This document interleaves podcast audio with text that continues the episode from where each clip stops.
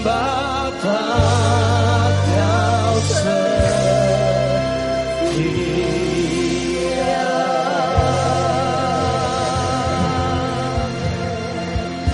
Haleluya. Segala pujian, hormat, kemuliaan hanya bagi Tuhan Yesus Kristus. Engkau yang layak kami tinggikan hari ini Bapa. Tuhan, kami tidak ingin ibadah ini berlalu tanpa kami berjumpa dengan Tuhan secara pribadi. Karena perjumpaan dengan hadiratmu itulah yang membuat ibadah ini menjadi berarti. Bahkan kami tanggalkan segala ego kami, keakuan kami. Kami semua ada di tempat ini karena kami butuh Tuhan. Tidak ada satupun yang dengan sombong berdiri dan merasa bahwa ini hanya sekedar rutinitas. Tapi kami mau bilang kami butuh Tuhan dalam hidup kami. Kami butuh Yesus sebagai Tuhan dalam hidup kami. Kami butuh tuntunanmu, kami butuh firmanmu Bapak.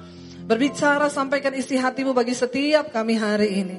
Kami siap ditegur, kami siap diajar, kami siap dibentuk oleh Tuhan. Urapi hambamu yang tidak ada apa-apanya Tuhan. Sampaikan isi hatimu. Di dalam nama Yesus yang percaya Tuhan di tengah kita memberkati kita. Katakan bersama.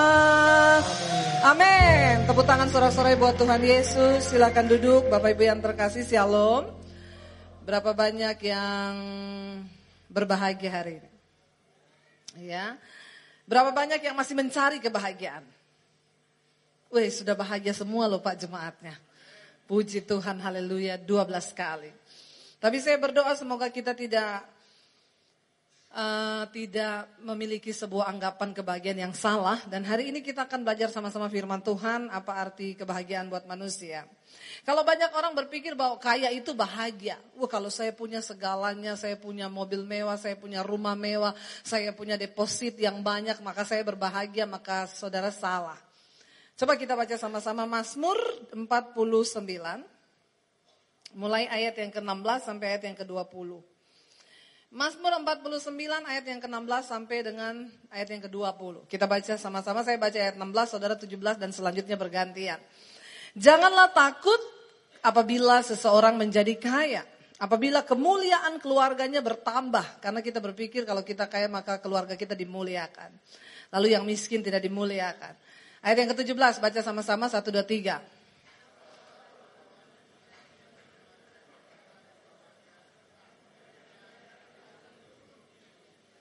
Ayat 18, sekalipun ia menganggap dirinya berbahagia, tolong garis bawahi, ada banyak orang yang kaya merasa dia sudah berbahagia di dunia. Sekalipun ia menganggap dirinya berbahagia pada masa hidupnya, sekalipun orang menyanjungnya karena ia berbuat baik terhadap dirinya sendiri, ayat 20.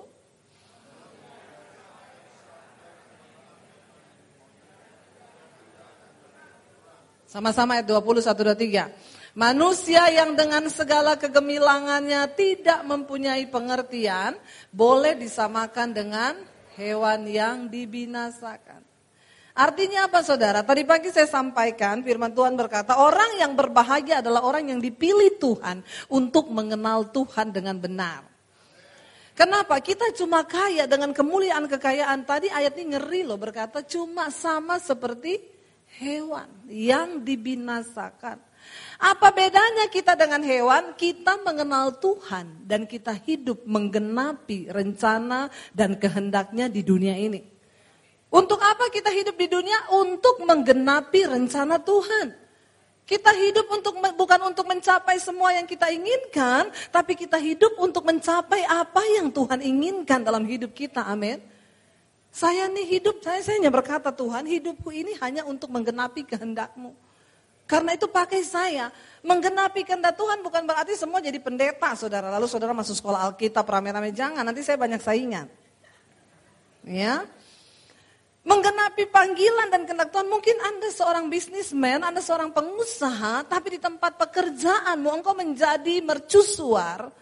Engkau menjadi terang, engkau menjadi orang yang luar biasa. Saya kemarin, dua minggu, berapa minggu yang lalu saya baru pulang dari kota Palu saudara. Saya ketemu seorang anak Tuhan yang diberkati luar biasa. Dia punya satu hotel di Palu. Nah saya dengar saudara dari seorang teman, hotelnya itu setelah gempa tidak beroperasi lima bulan. Tapi dia tetap bayar gaji karyawannya full tidak dikurangi. Wow nggak? Ini artinya dia mengenapi kehendak Tuhan. Dan saudara tahu itu karyawannya rata-rata bukan orang Kristen. Saya bertanya kepada dia, loh Pak, Bapak kan bisa pakai uang itu untuk jalan-jalan ke luar negeri kan? Buat ke Eropa, bisa nggak buat seneng-seneng? Bisa nggak beli buat tas mahal? Gaji karyawan hotel itu banyak loh dan itu lima bulan saudara, dibayar full. Coba kalau uang itu dia pakai untuk kepentingannya kan dia nggak ada nggak ada urusannya nggak bayar gaji karyawan. Tapi dia bilang begini, saya merelakan sedikit dari kekayaan saya untuk memberkati mereka. Kenapa? Karena itu uang untuk pakai menghidupi anak istrinya.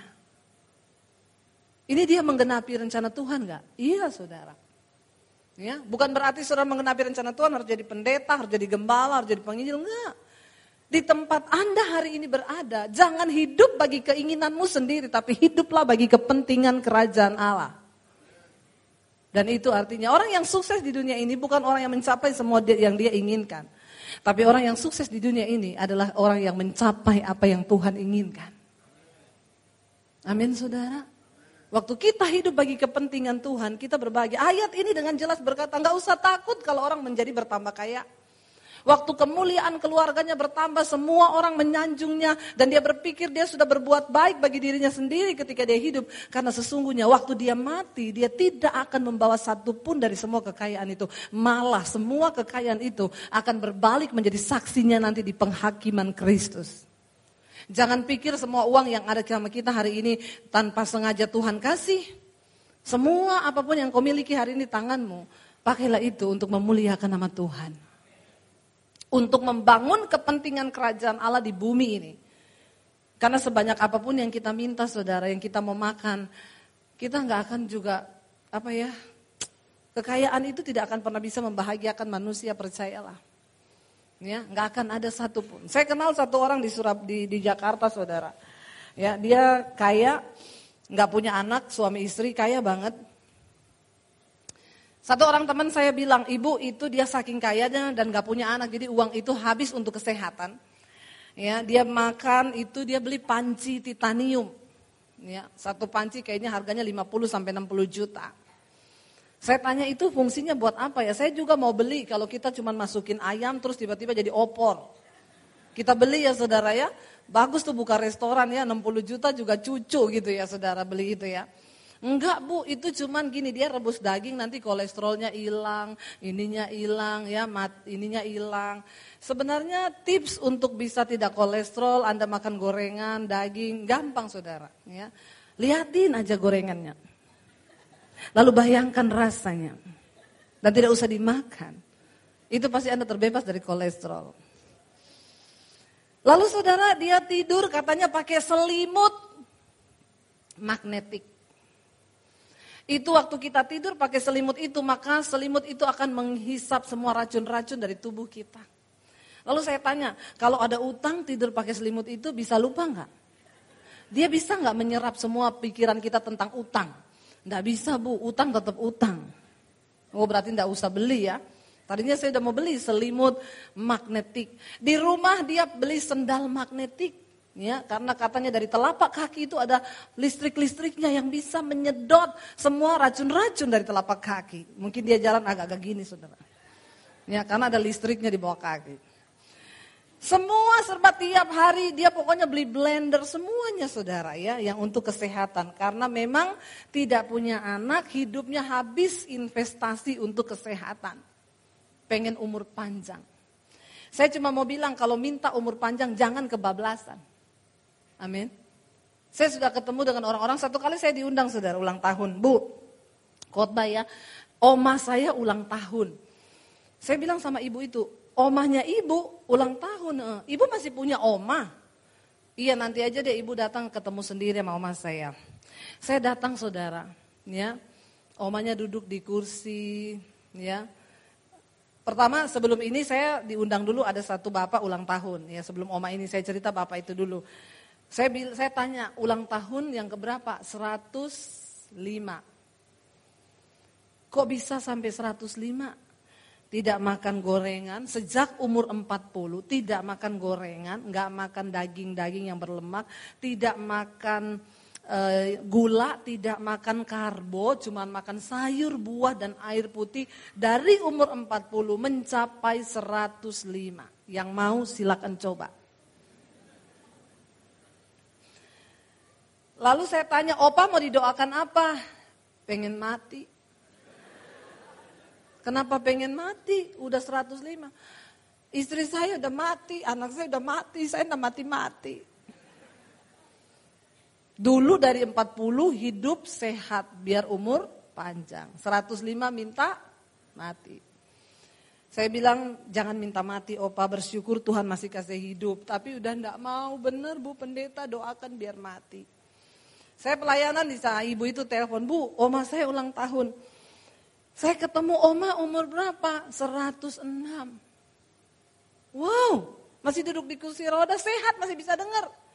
Oma rahasianya apa? Oma umur panjang. Kita kan semua kalau ada orang umur panjang pengen tahu kan rahasianya. Yang tadi dari umur 40 diet. Yang ini Oma rahasianya apa? Rahasia umur panjang Oma apa? Minum Coca-Cola sama es batu. Saya panggil anaknya, saya pikir ini Oma pikun. Jadi saya bilang, ibu bu sini bu. Omanya pikun. Kenapa? Saya tanya rahasia umur panjang, dia bilang minum Coca-Cola sama es batu. Bener Bu Debi, itu dari muda makan minumnya Coca-Cola sama es batu. Yang mau coba silakan. Mencapai 106. Udah 106 saya tanya, Oma mau didoakan apa Oma? Satu Bu Pendeta, doa apa? Biar cepet mati. 106. Kenapa pengen cepat mati? Hidupku udah enggak berarti, cuman bikin susah anak sama cucu. Dilarang ya saudara menaruh orang tuamu di panti jompo. Amin. Makanya orang tua juga berdoa supaya jangan terlalu panjang.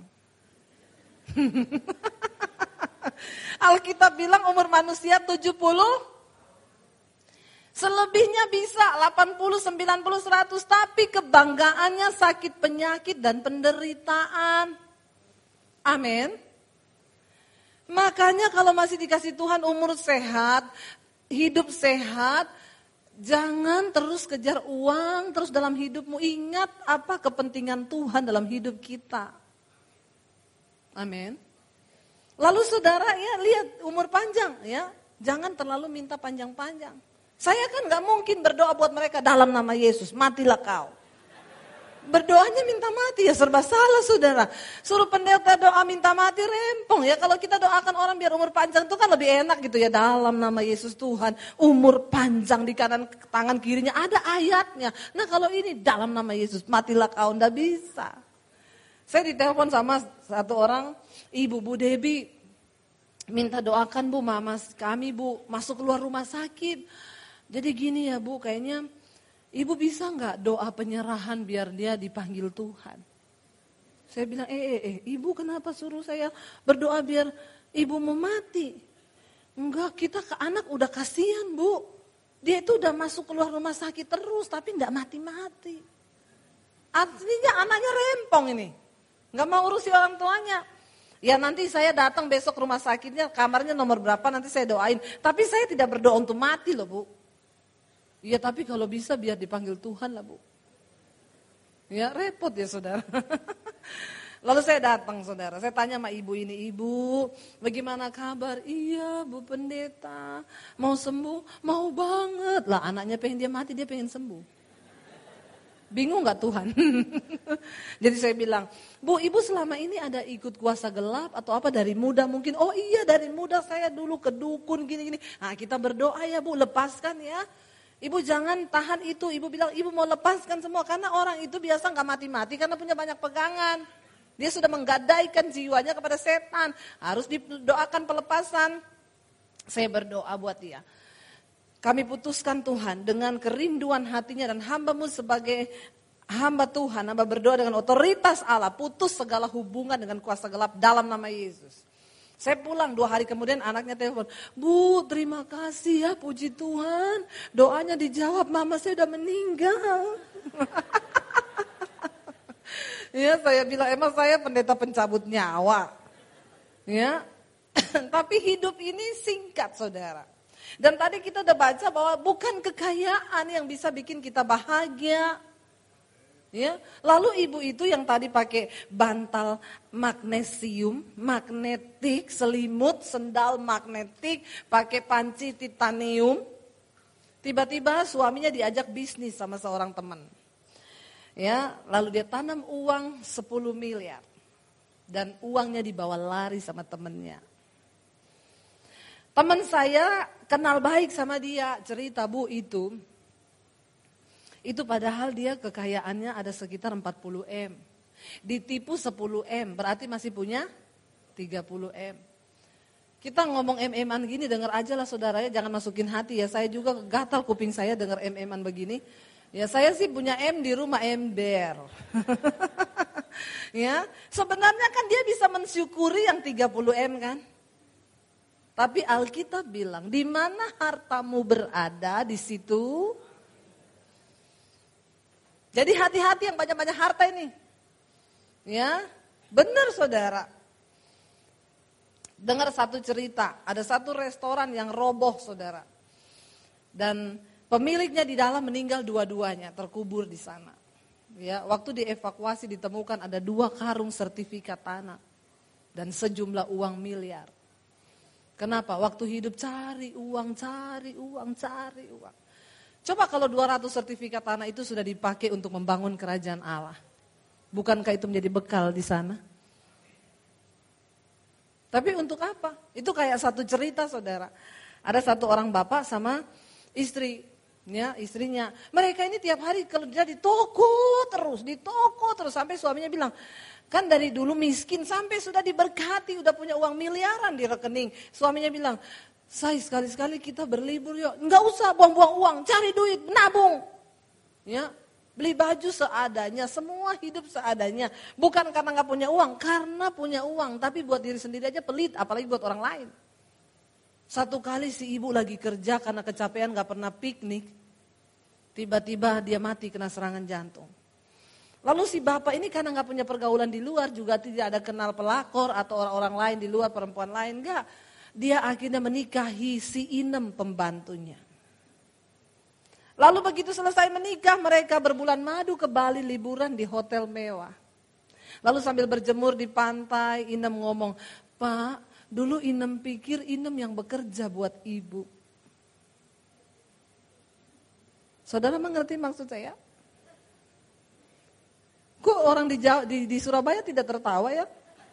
Padahal kalau di Jakarta begini udah ketawa loh saudara. Memang beda ya kulturnya. ya kalau di Jakarta begini, oh, ya, ya udah begitu loh saudara. Oh ada loh. ya. Inem bilang, Pak dulu Inem pikir Inem yang bekerja buat ibu. Ternyata, nah itu ketawa sekarang. Ternyata ibu yang bekerja buat Inem. Jangan terlalu pelit juga saudara, amin. Uang dicari mau buat apa coba? Akhirnya benar di mana hartamu berada, di situ hatimu berada. Ditipu 10 miliar, dia mulai tidak bisa tidur kalau malam. Walaupun pakai selimut magnetik. Ternyata tidak bisa menyerah pikirannya tentang utang uangnya yang hilang di bawah orang 10 miliar. Itu loh manusia jahatnya kalau dikuasai harta. Masih ada 30 M, dia harusnya bisa bersyukur kan. Untung Tuhan saya nggak kasih invest waktu itu 30 M. Untung cuma 10, masih ada yang 30. Toh juga nggak habis sampai mati loh. Bener nggak saudara?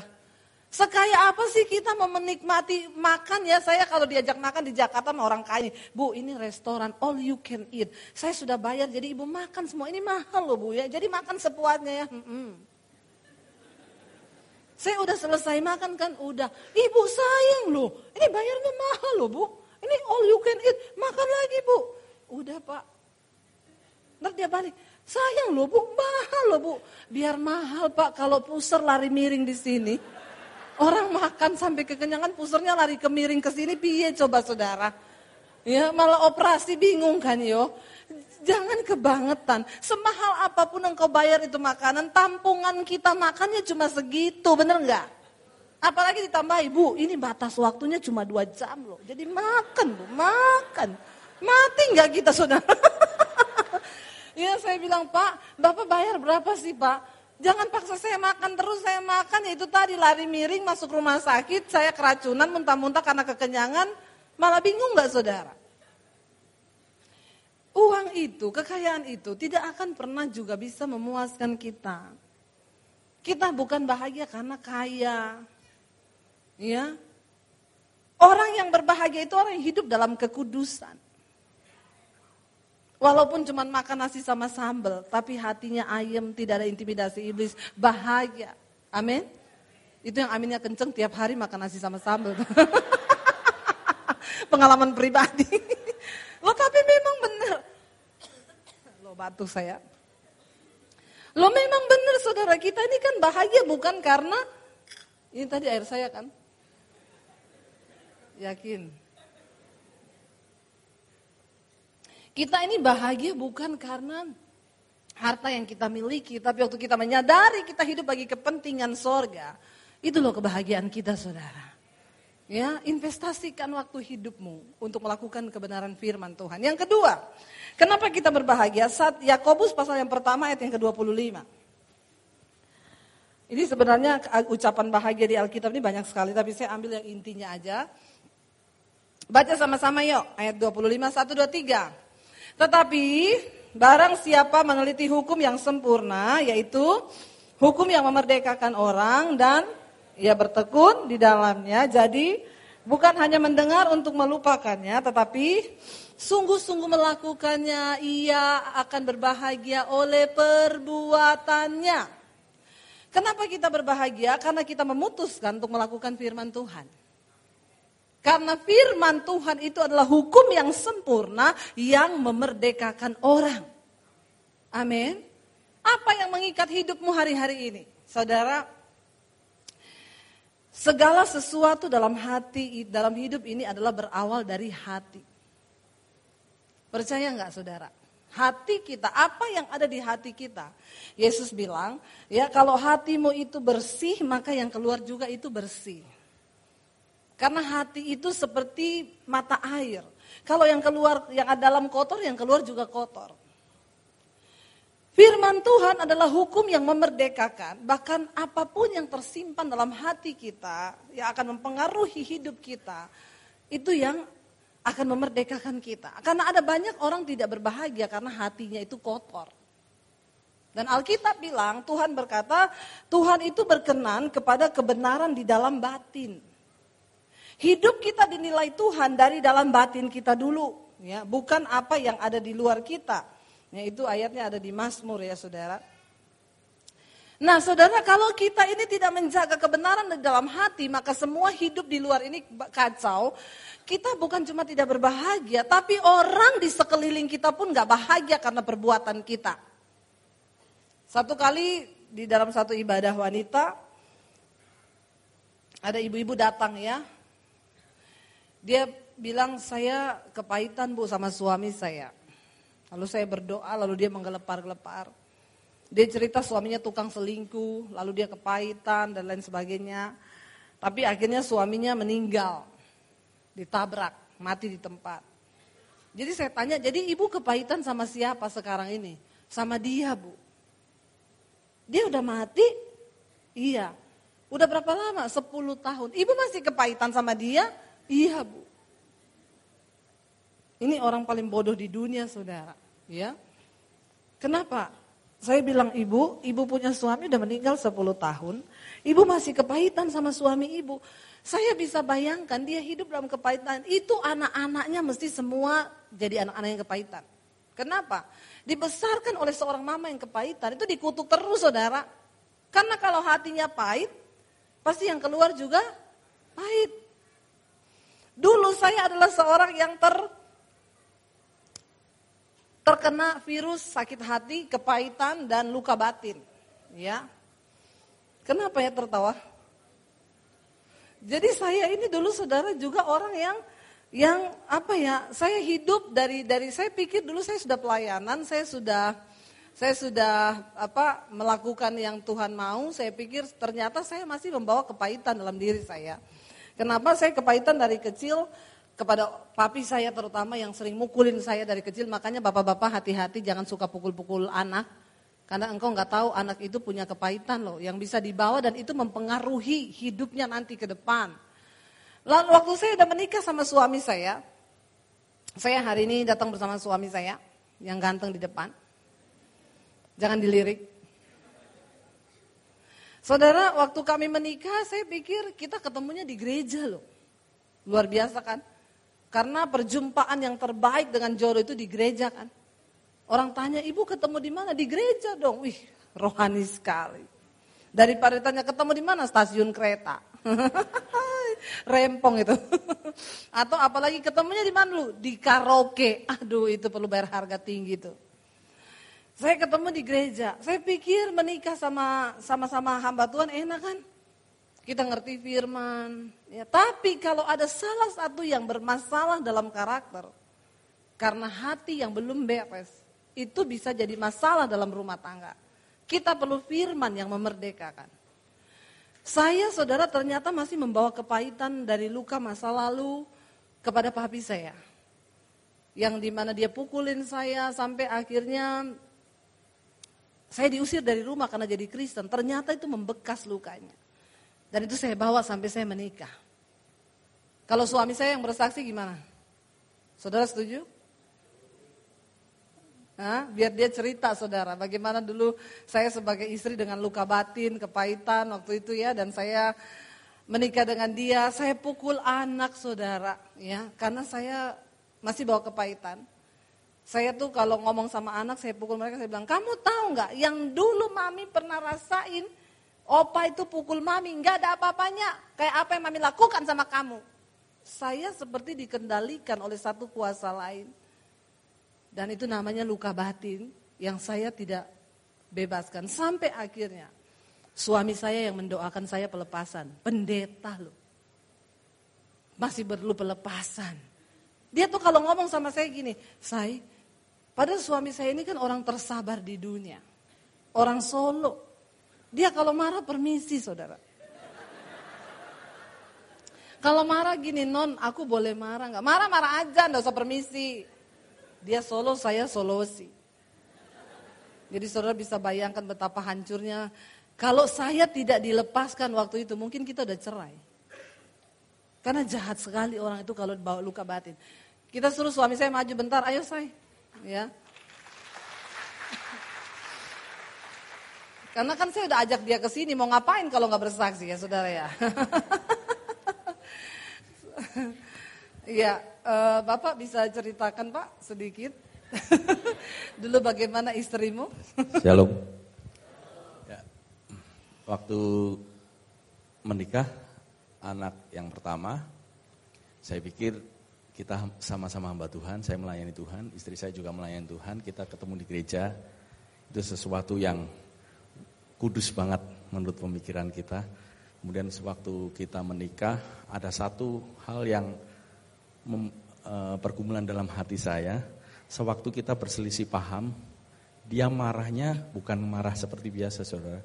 Dia kalau selisih paham, kita ngomong selisih paham dikit, dia marah, ini sudah melayani Tuhan dan dia sudah pendeta dia bisa pukul-pukulkan kepala di tembok.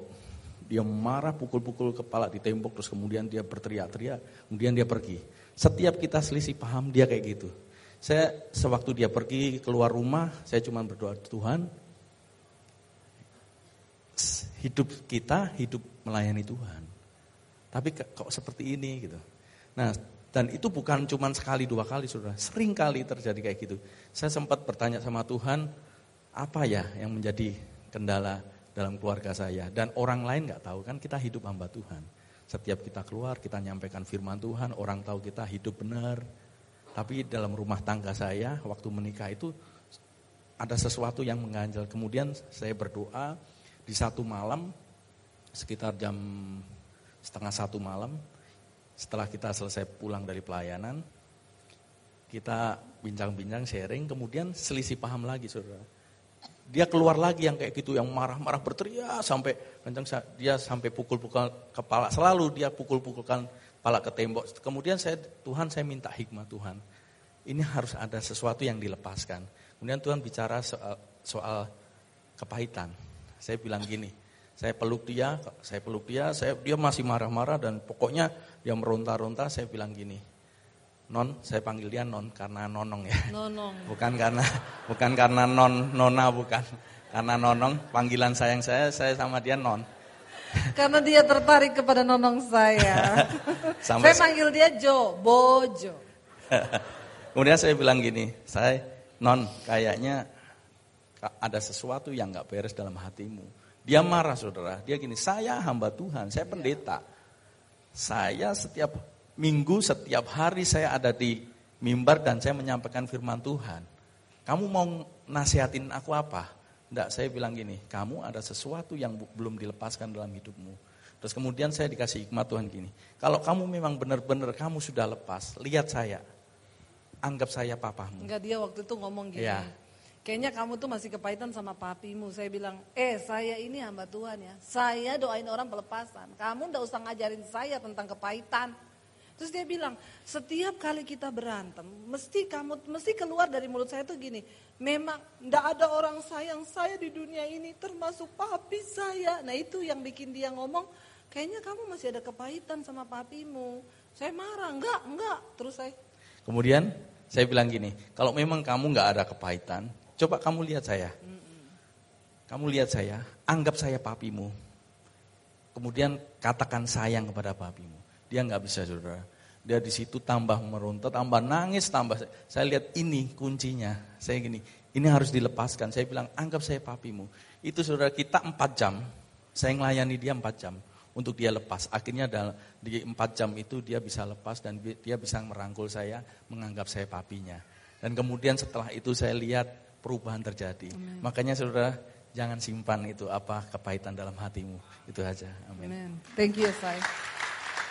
Saudara ya, jangan membangun segala sesuatu itu dengan pencitraan. Orang masih bisa, kita masih bisa tutupin itu dari orang lain. Tapi kita nggak bisa tutupin itu dari Tuhan. Mungkin sekarang banyak orang melayani dengan pencitraan, terlihat baik. Padahal di dalam itu udah ancur-ancuran. Kita capek sendiri, bahkan kita jadi serangannya iblis loh. Tuhan mau kita beres dari dalam. Saya waktu itu saudara, memang benar saya bayangkan betapa tersiksanya dia dapat istri saya. Saudara tahu kita berantem, saya waktu itu baru keluar rumah sakit habis melahirkan anak saya baru seminggu. Saya pergi dari rumah, saya bawa bayi yang masih seminggu. Saya pergi ke rumah teman saya, saya matiin handphone semua, saya bilang sama teman saya jangan kasih tahu saya di sini. Padahal itu bukan salahnya suami saya.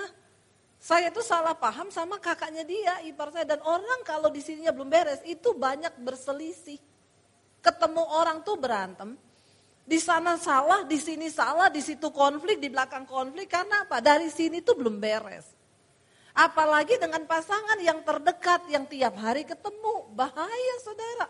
Saya bawa anak saya pergi, teman saya bilang gini, Deb, kasihan suamimu loh ini. Mesti udah nyariin kamu, biarin aja. Biar stres sekalian. Orang itu kalau kepahitan, luka batin, sakit jiwa. Kalau orang sakit jiwa, dia senang lihat orang lain menderita. Saya senang ingat suami saya cariin saya biar, biar puas sekalian, biar dia kapok. Lagian keluarganya bikin kayak begini sama saya, gila nggak saya saudara? Saya udah melayani Tuhan loh. Sampai akhirnya waktu itu dia bilang, dan bukan cuma itu, saya pukulin anak saya. Kalau mereka cuma telat mandi atau apa, saya pukul saudara sambil sambil saya ngomong, kamu tahu nggak? Oh, mami dulu diginin opa, nggak ada apa-apanya yang kamu sekarang alami. Jadi saya tuh kayak balas dendam. Saya hajar anak-anak saya setelah itu, mereka tidur, saya nangis, nyesel. Ingat perlakuan saya sama mereka, jahat banget sih saya jadi ibu jahat, sakit jiwa nggak? Diterus-terusin masuk masuk rumah sakit jiwa nggak? Iya, karena luka batin yang tidak diberesin. Akhirnya sampai malam itu, suami saya bilang, saya, kamu mau nggak dilepaskan? Saya marah. Kalau kamu memang nggak kepahitan sama papimu, lihat aku, anggap aku papimu dan kamu ngomong, papi, aku mengasihi papi. Saya nggak bisa keluar tuh dari mulut saya. Saya lihat suami saya nggak bisa, akhirnya dia ambil gitar, dia nyanyi. Kasih dari surga memenuhi tempat ini. Kasih dari Bapa surgawi. Saya mulai nangis. Kasih dari Yesus mengalir di hatiku. Membuat damai di hidupku. Saya mulai nangis dan buka hati. Lalu saya mulai dilawat roh kudus. Lalu saya berteriak saudara. Lalu saya dia bilang, kamu anggap saya papimu, lihat saya. Saya lihat suami saya, saya bayangkan dia papi saya. Lalu saya peluk dia dan saya bilang, papi, saya sayang sama papi, saya lepaskan pengampunan buat papi, saya mengasihi papi.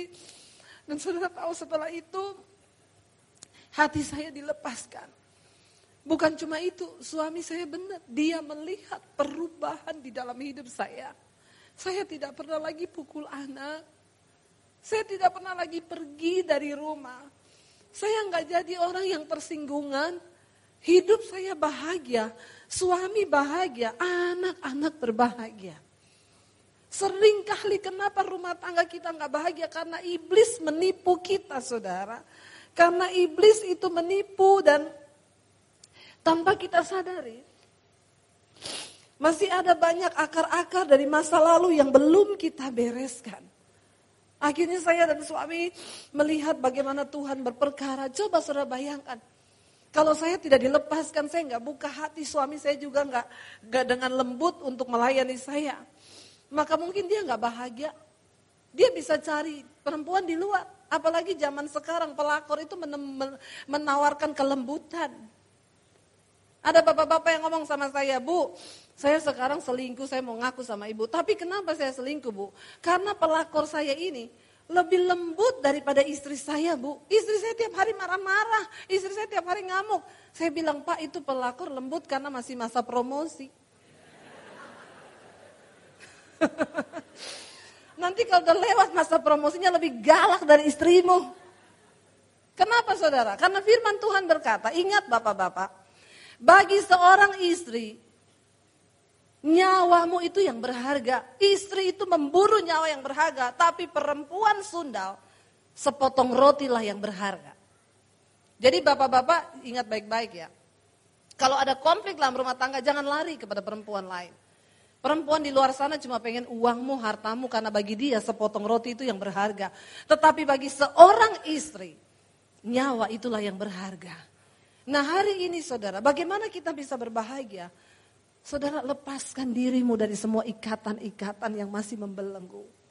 Saya tidak tahu hari ini apa yang ada di hati saudara. Apa yang ada dalam jiwa saudara. Tapi Tuhan mau hari ini engkau merdeka. Supaya apa? Supaya engkau mengalami rancangan kebahagiaan itu di dalam Tuhan. Saya ingin suami saya main piano, kita akan nyanyi pujian itu, kasih dari surga. Saya minta kita semua buka hati hari ini saudara. Mari kita bangkit berdiri. Kita mau bilang Tuhan saya mau dilepaskan. Kita mau bilang Tuhan saya mau dimerdekakan. Kita mau bilang hari ini Tuhan aku tidak mau ada satu pun dosa yang tersembunyi. Yang bisa membuat mencabut semua kebahagiaan dari rumah tangga. Kami mau beres dalam hadirat Tuhan. Jangan tinggalkan tempat ini sebelum saudara beres dengan Tuhan. Jangan tutupi setiap dosamu dengan begitu rapat. Karena engkau bisa menyembunyikan diri dari manusia tapi tidak di hadapan Tuhan.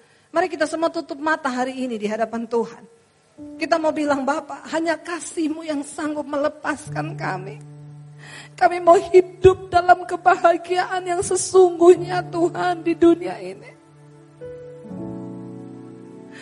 Kami bawa hidup kami Tuhan. Segala lama-lama Penuhi kami dengan kasihmu Bapak.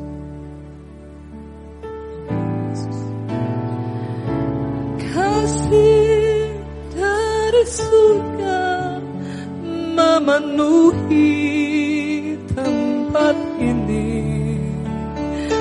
Kasih dari Bapa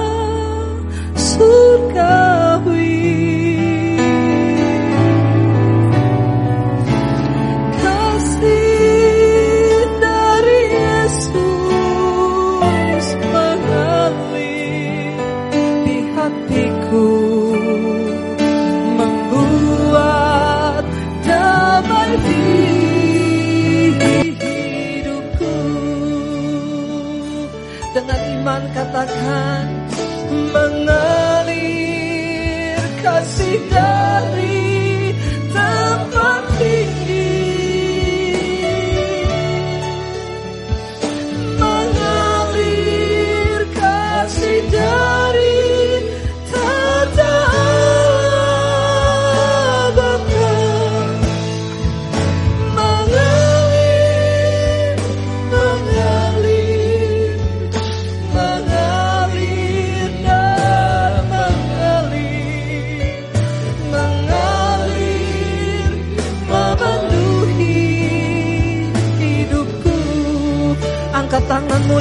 terima kasih Tuhan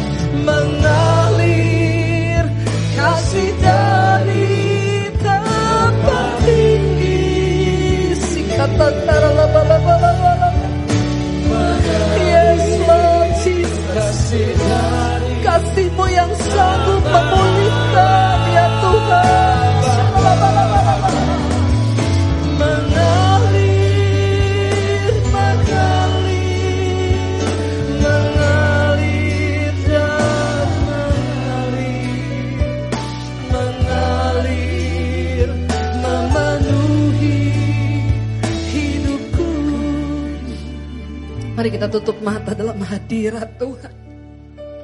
Tidak ada satupun yang bisa memulihkan hidup kita Selain dari kasih Tuhan. Ya Allah, ya Allah. Kami butuh kasih-Mu Bapa dalam hidup kami. Kami butuh kasih-Mu untuk pulihkan rumah tangga kami Tuhan. Kami butuh kasih-Mu Bapa Setiap kami yang datang hari ini kami datang dengan hati yang hancur di hadapan Tuhan. Saudara yang datang suami istri mari bergandengan tangan. Yang datang dengan anak-anakmu bergandengan tangan. Tuhan, kami berdoa hari ini. Kami menyerahkan seluruh pernikahan kami ke dalam tanganmu ya Bapa. Hamba berdoa para suami istri menjadi suami istri yang dipulihkan dengan kasih Bapa hari ini. Dan anak-anak kami tumbuh di dalam takut akan Tuhan. Kami mau telanjangi setiap Tuhan strategi iblis atas rumah tangga kami. Kasih Tuhan yang menjadi penerang di dalam kehidupan kami. Kami mau jadi orang Kristen yang dimerdekakan Tuhan. Kami mau jadi orang yang dipulihkan Tuhan. Dan firman-Mu yang memerdekakan setiap kami. Berkati seluruh umat-Mu Bapa yang sakit hatinya. Kepahitan luka batin engkau sembuhkan dengan kasih-Mu Bapa. Kami mau berkata kepada diri kami, kami tidak izinkan satupun alasan sekecil apa pun untuk membuat kami tertawa di dalam kepahitan dan luka batin. Karena Yesus sudah mati di atas kayu salib. Semua lunas dibayar oleh Tuhan. Dan kami mau hidup dalam kemerdekaan itu Bapak. Mari sekali lagi angkat tanganmu saudara. Katakan mengalir kasih dari tempat tinggi.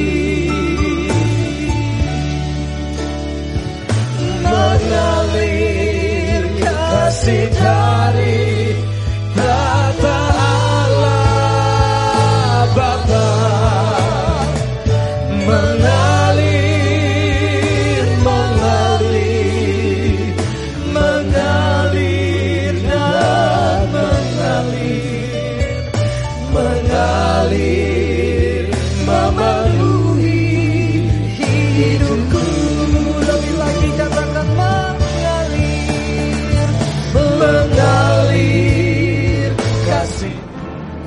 Shalom saudara, jika Anda merasa diberkati dengan channel YouTube saya, Anda bisa komen, like, dan share. Dan jangan lupa tekan tombol tombol subscribe dan juga tombol lonceng agar Anda mendapat pemberitahuan setiap kali saya mengupload video-video yang baru. Ini sangat penting buat channel ini saudara supaya banyak orang juga diberkati dan channel ini boleh juga terus berkembang dan menjadi berkat buat banyak orang. Terima kasih.